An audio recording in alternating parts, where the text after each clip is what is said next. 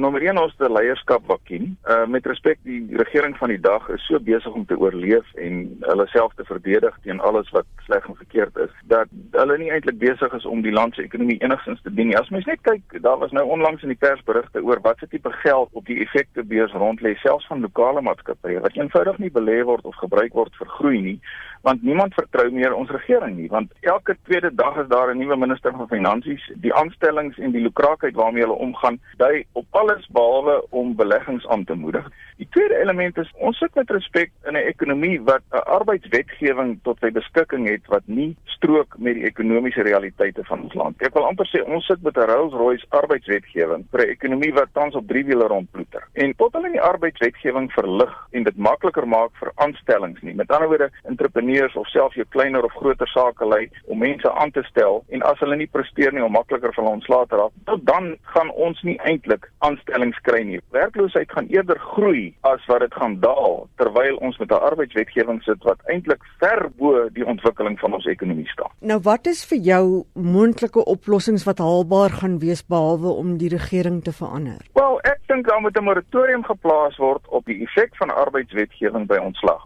Kom ons kyk net die volgende jaar jaar in hierdie swak ekonomie werkgewers die mag om van werknemers ontslae te raak sonder dat daar implikasies is. Met ander woorde, hulle kan aanstellings maak en vir 12 maande kan hulle van 'n werknemer ontslae raak as daai werknemer nie presteer volgens die haalbaarheid van hulle besigheidsmodel nie. En daardeur sê ek nie ek bevoordeel onbillikheid nie. Onbillikheid moenie deel van werknemer-werkgewer verhouding raak nie, maar Ons sit met 'n situasie dat ons 'n kommissie van versoening, bemiddeling en arbitrasie waar jy gratis toegang tot litigasie het waar 'n werkgewer homself moet gaan verdedig elke keer wat iemand ontslaan het, selfs baie keer vir diefstal. En baie keer sal werkgewers eerder daar goed skik om net van die probleem ontslae te raak. So wat doen werkgewers? Hulle raak totaal en al sodat hulle niemand aanstel nie en eerder hulle werksmag verskraal en eerder hulle besigheid afskaal. As ons miskien net 'n moratorium op afdankings kan sit om te sê dat afdankings kan in die toekoms nie noodwendig aangeveg word vir die volgende jaar of so nie, maar dan moet elke werkgewer daar mense begin aanstel dat ons hierdie ekonomie net aan die gang kan kry want hierdie werkloosheid is 'n groot probleem. Solank mense nie werk het nie, ontneem jy hulle van uh, status, jy ontneem hulle van inkomste, jy ontneem hulle van alles.